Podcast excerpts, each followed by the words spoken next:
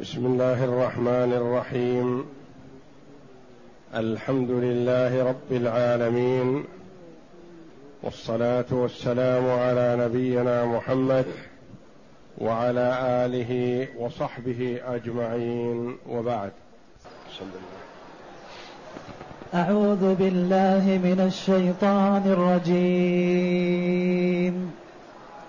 بسم الله الرحمن الرحيم. سبح لله ما في السماوات وما في الأرض وهو العزيز الحكيم. يا أيها الذين آمنوا لم تقولون ما لا تفعلون؟ كبر مقتا عند الله أن تقولوا ما لا تفعلون. إن هاتان الآيتان الكريمتان. هما فاتحة سورة الصف. وسورة الصف مدنية في قول الجمهور. وقيل هي مكية. فعن عبد الله بن سلام رضي الله عنه قال تذاكرنا أيكم يأتي رسول الله صلى الله عليه وسلم فيسأله أي الأعمال أحب إلى الله فلم يقم أحد منا حياء من الرسول صلى الله عليه وسلم لأن الصحابة رضي الله عنهم كانوا يحبون أن يسأل الرسول وهم يسمعون ليستفيدوا وهم يستحيون من الرسول عليه الصلاة والسلام فلا يحب أن يسألوه. فأرسل رسول الله صلى الله عليه وسلم إلينا رجلا فجمعنا وقرأ علينا هذه السورة يعني سورة الصف كلها. الصحابة رضي الله عنهم بعضهم تذاكروا فيما بينهم بأنهم يودون أن يعرفوا أحب الأعمال إلى الله ليفعلوها. ولكن كيف يعرفون ذلك؟ يعرفونه من الرسول صلى الله عليه وسلم فيسألونه. فاستحيوا أن يسألوا الرسول صلى الله عليه وسلم فعلم الله جل وعلا عنهم ذلك. وأنزل على رسوله صلى الله عليه وسلم هذه السورة. فدعاهم الرسول صلى الله عليه وسلم واحدا واحدا وقرأ عليهم هذه السورة. بأمر الله جل وعلا. فالله جل وعلا ما يتناجى اثنان فأكثر إلا وهو جل وعلا مطلع على قولهم ويعلم حالهم. لا تخفى عليه خافية كما قال تعالى قد سمع الله قول التي تجادلك في زوجها وتشتكي إلى الله. والله يسمع تحاوركما. عائشة رضي الله عنها مع الرسول وهذه المرأة تقول يخفى علي بعض كلامها لأنها تخاطب الرسول ولا تحب أن يخرج كلامها بعيدا. فأنزل الله جل وعلا والمرأة عند الرسول صلى الله عليه وسلم قد سمع الله قول التي تجادلك في زوجها وتشتكي إلى الله. والله يسمع تحاوركما. إن الله سميع بصير. وأنزل الله جل وعلا فرجها التي جاءت من أجله. أنزل الله جل وعلا سبح لله ما في السماوات وما في الأرض وهو العزيز الحكيم. يا أيها الذين آمنوا لم تقولون ما لا تفعلون؟ سبح جاءت الأمر بالتسبيح سبح مثل هذه السورة وسورة الحشر. وسورة الحديد. وجاء يسبح مثل سورة الجمعة وسورة التغابن. وجاء الأمر سبح باسم ربك الأعلى الذي خلق فسوى. سبح بالفعل الماضي. يسبح بالفعل المضارع. سبح بالاسم بفعل الأمر. لما هذا؟ لأن العبد مأمور بالتسبيح فيما مضى وحاضر ومستقبل. يعني ليكن التسبيح دائما معك. سبح الله جل وعلا فيما مضى ولا تكتفي به. وسبح الله جل وعلا في الحال وسبح الله جل وعلا في المستقبل لأن سبح تدل على الفعل الماضي ويسبح تدل على الحاضر والمستقبل وسبح تدل على الأمر بهذا. سبح لله ما في السماوات وما في الأرض.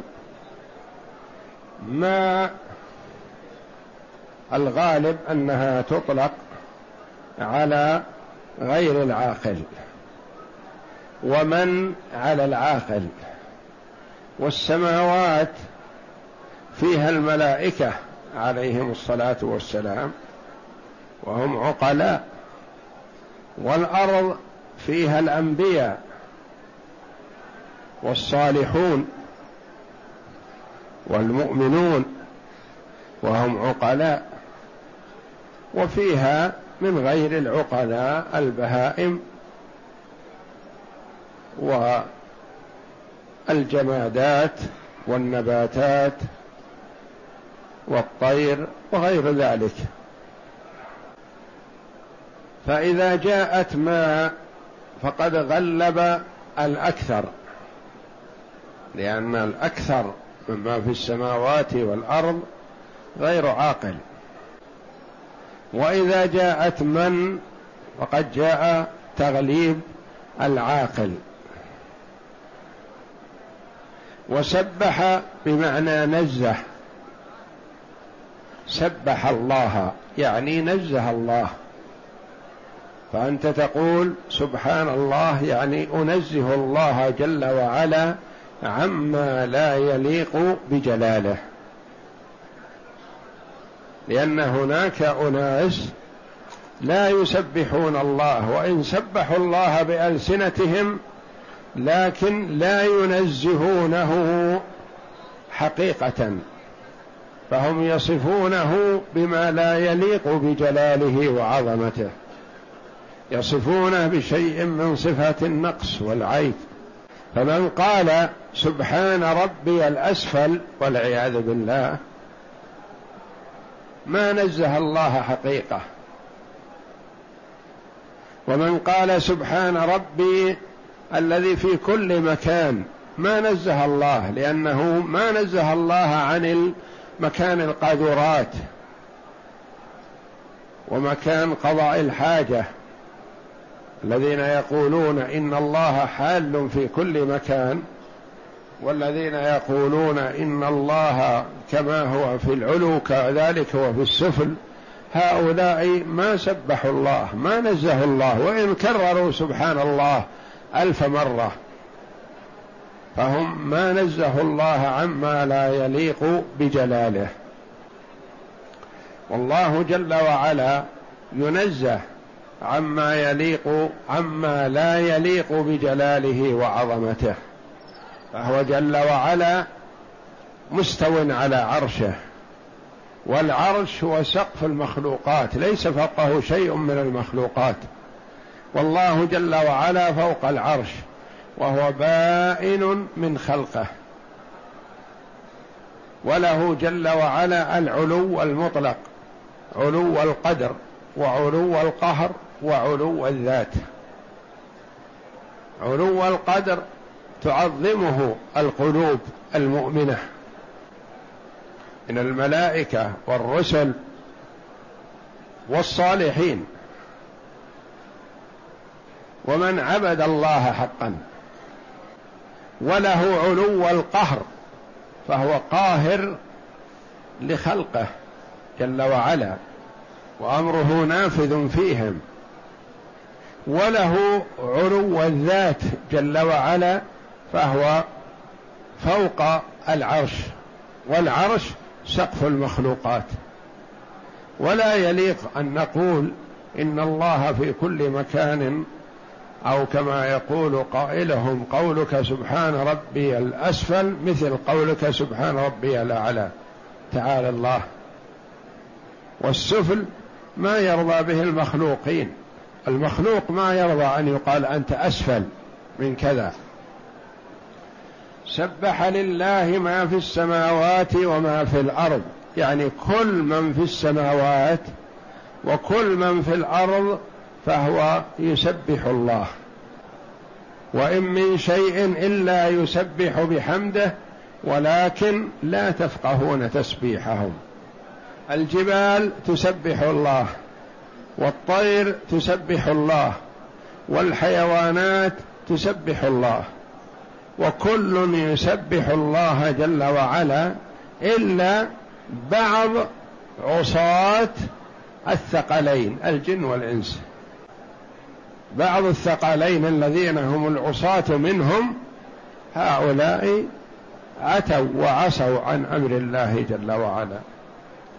يسبح لله ما في السماوات وما في الأرض وهو العزيز الحكيم.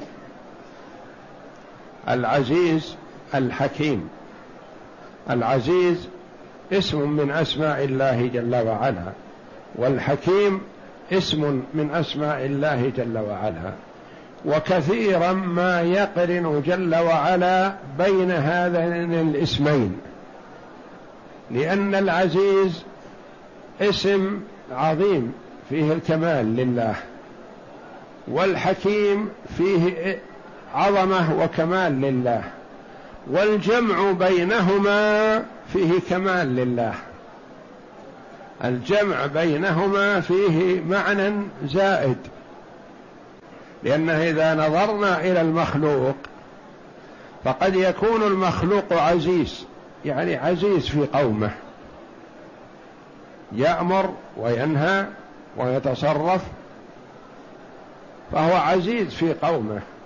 لكن قد يأمر بأوامر خطأ وقد يكون معه مع عزته طيش وعجلة وعدم ضبط للأمور لأنه ما أحد يستطيع أن يقف في وجهه ويقول اصبر أخطأت في كذا. أمره نافذ خطأ ولا صواب؟ إذا صار عنده شيء من العزة.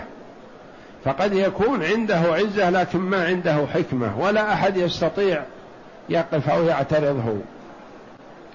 وقد يكون المرء حكيما عنده حكمة لكن ما ينفذ أمره ولا يطاع. بعض الحكماء المفكرين ومن عنده تفكير سليم يدرك الخطأ من الصواب ويعرف لكن ما يطاع ما عنده عزة ما له عزة ما له شنآن في المجتمع. الله جل وعلا جمع بين هذين الوصفين. والاسمين العظيمين العزة والحكمة. على ما يليق بجلاله وعظمته. أمره جل وعلا نافذ ولا أحد يستطيع الاعتراض على الله جل وعلا. وأمره جل وعلا في منتهى الحكمة. ما يقال لو كان كذا في مكان كذا كان أصلح. ما أمر الله جل وعلا به فهو الأصلح. وما شرعه فهو الأصلح. فهو يجمع جل وعلا بين العزة والحكمة وهو العزيز الحكيم. ثم خاطب المؤمنين جل وعلا فقال يا أيها الذين آمنوا خطاب لكل مؤمن.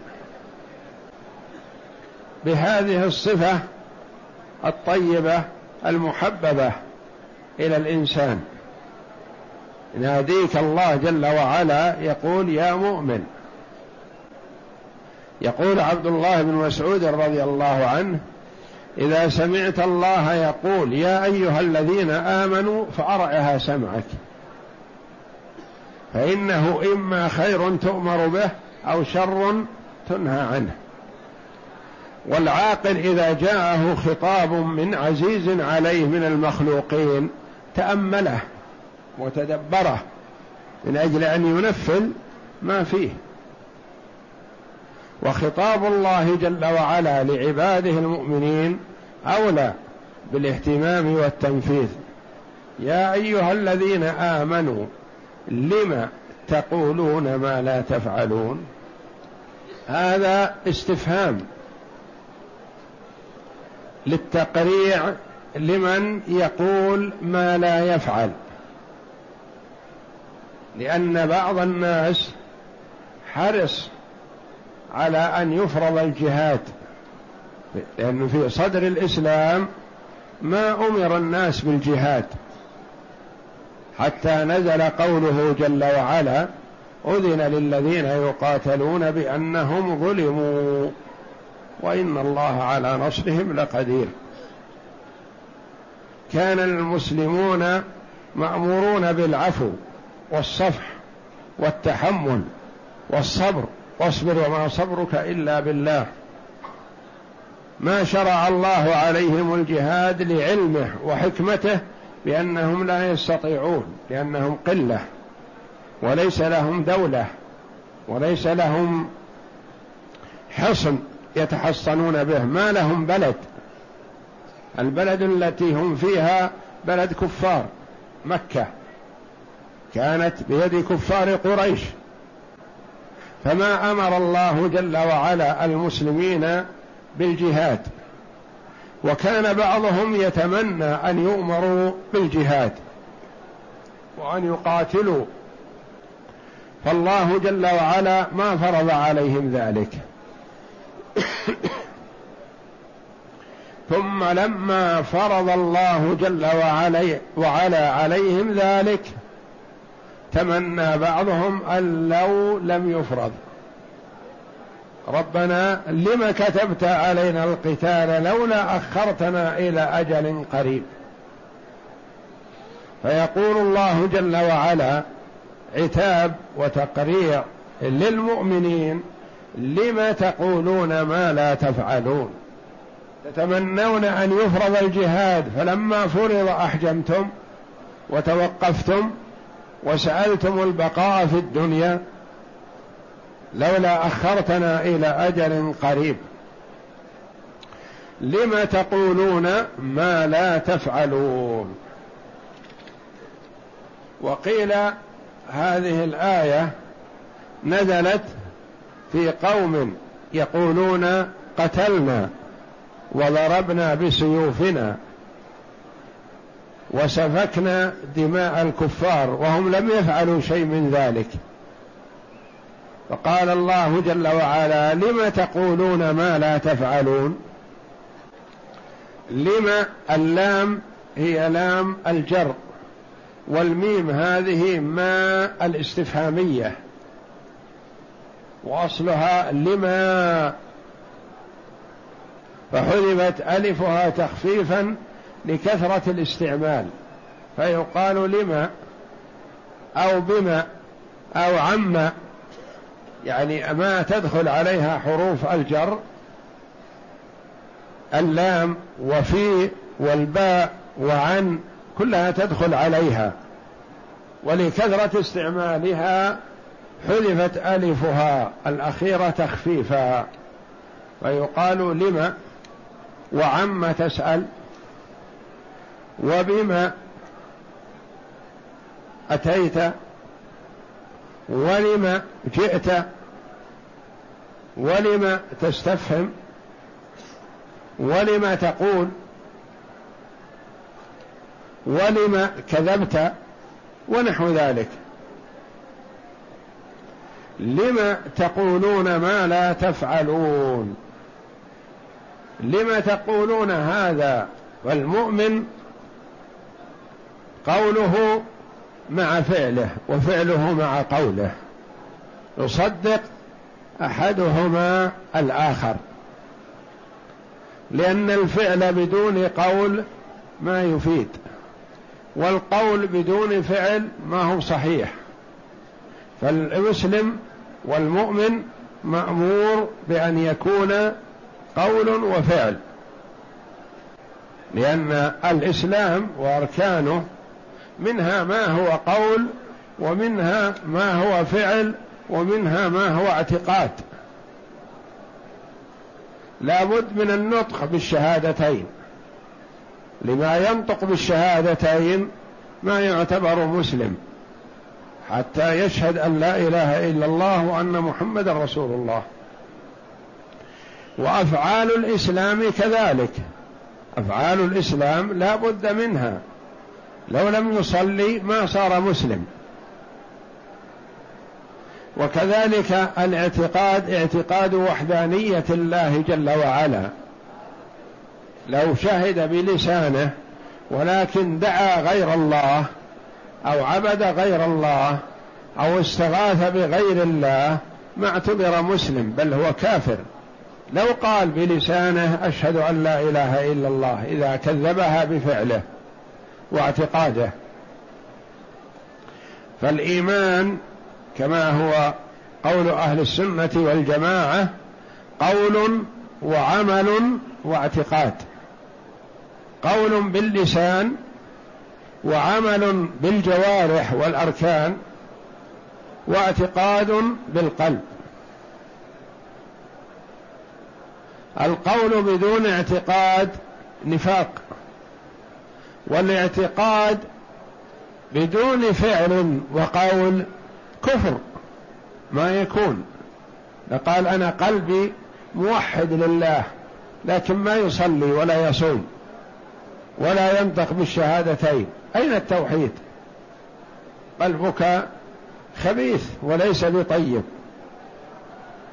القلب الطيب الذي يشهد أن لا إله إلا الله وأن محمدا رسول الله ويوحد الله ويعبد الله. فمن ادعى التوحيد بدون عمل فهو كاذب. ومن عمل بدون توحيد فهو منافق لأن المنافقين كانوا يصلون مع النبي صلى الله عليه وسلم ويخرجون للجهاد ويأتون بزكاتهم للنبي لكنهم يفعلون هذه الأفعال لحقن دمائهم وللحفاظ على كيانهم في المجتمع. فهم لا يفعلون هذه الأفعال عن اعتقاد وإنما مدارات فقط. هذا نفاق. وتوعدهم الله جل وعلا بأنهم في الدرك الأسفل من النار. لم تقولون ما لا تفعلون؟ لما فرض عليكم الجهاد تأخر بعضكم وتكاسل وتمانع. كبر مقتا عند الله أن تقولوا ما لا تفعلون. اقرأ. تقدم الكلام على قول الله تعالى سبح لله ما في السماوات وما في الأرض وهو العزيز الحكيم. غير مرة بما أغنى عن إعادته. وقوله تعالى يا أيها الذين آمنوا لم تقولون ما لا تفعلون؟ إنكار على من يعد وعدا أو يقول قولا لا يفي به ولهذا استدل بهذه الآية الكريمة من ذهب من علماء السلف إلى أنه يجب الوفاء بالوعد مطلقا سواء ترتب عليه عز للموعود أم لا.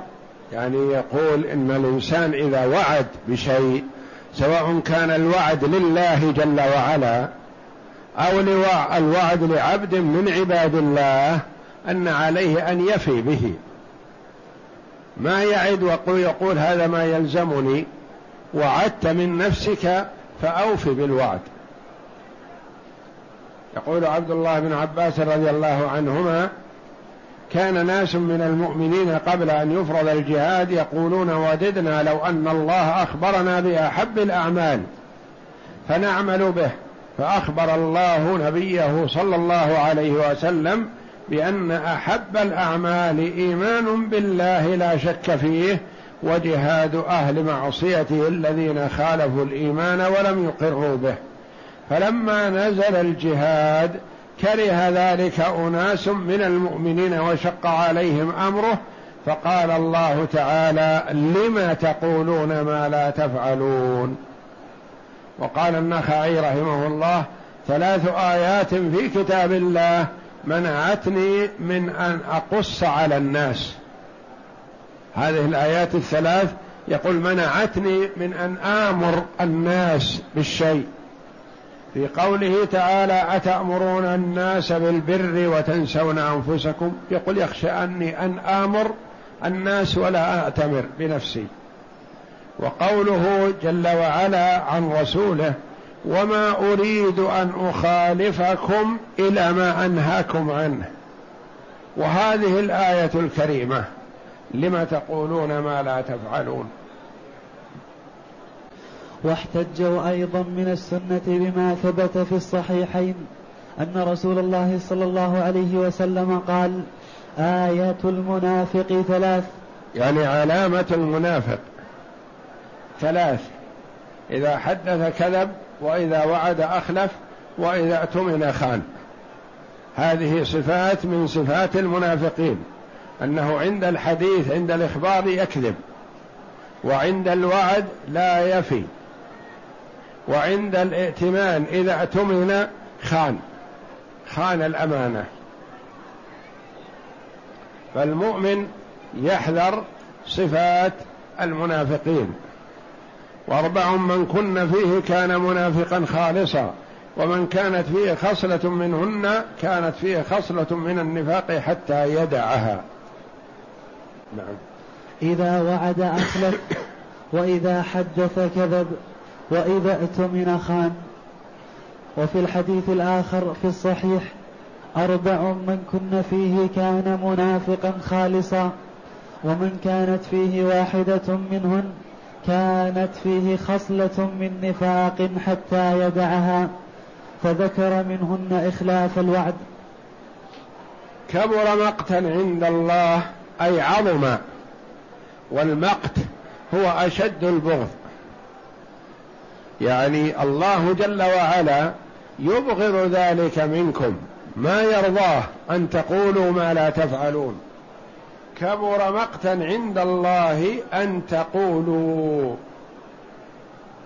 المقت هو أشد البغض. قال الكسائي رحمه الله أن تقولوا في موضع رفع لأن كبر فعل بمعنى بئس ومقتا منتصب على التمييز. كبر مقتا عند الله قولكم. يعني هذا في محل المخصوص بالذم كبر مقتا عند الله قولكم ما لا تفعلون. أن تقولوا أن وما بعدها مسبوكة بمصدر في أن تقولوا ما لا تفعلون. روى الإمام أحمد وأبو داود أن أن رسول الله صلى الله عن عن عبد الله بن عامر بن ربيعة قال أتانا رسول الله صلى الله عليه وسلم وأنا صبي فذهبت لأخرج لألعب فقالت أمي يا عبد الله تعال أعطك. فقال لها رسول الله صلى الله عليه وسلم وما أردت أن تعطيه؟ قالت تمرا فقال أما إنك لو لم تفعلي كتب عليك كذبة. هذا يقول إنني دخل علينا الرسول صلى الله عليه وسلم وهو غلام صغير. هذا من صغار الصحابة. يقول خرجت لألعب في السوق. فقالت أمي يا عبد الله تعال أعطيك. الرسول عليه الصلاة والسلام يريد أن يعلم الأمة الرجال والنساء وكل شخص. قال لو جاء ماذا تعطينه؟ والغلام يسمع. قال تعطيه تمرة.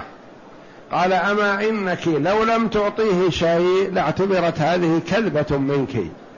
والكثير منا يقول للولد تعال أعطيك فإذا جاء ما أعطاه شيء. فهذه تعتبر كذبه يقول عليه الصلاة والسلام. يعني إذا وعدت فأوف بوعدك. يقول عبد الله بن عباس رضي الله عنهما هذه الآية في القتال وحده. وهم قوم كانوا يأتون النبي صلى الله عليه وسلم فيقول الرجل قاتلت وضربت بسيفي ولم يفعل فنزلت هذا. يعني لا تقل شيئا إلا وقد فعلته حقيقة. ما تقل إني تصدقت وأنت ما تصدقت. ولا تقل صليت وأنت ما صليت بل لا تقل شيئا إلا قد فعلته. كبر مقتا عند الله أن تقولوا ما لا تفعلون. فهذه الآية العظيمة في حث المؤمن على أن يقول ويفعل وأن يكون فعله مصدقا لقوله.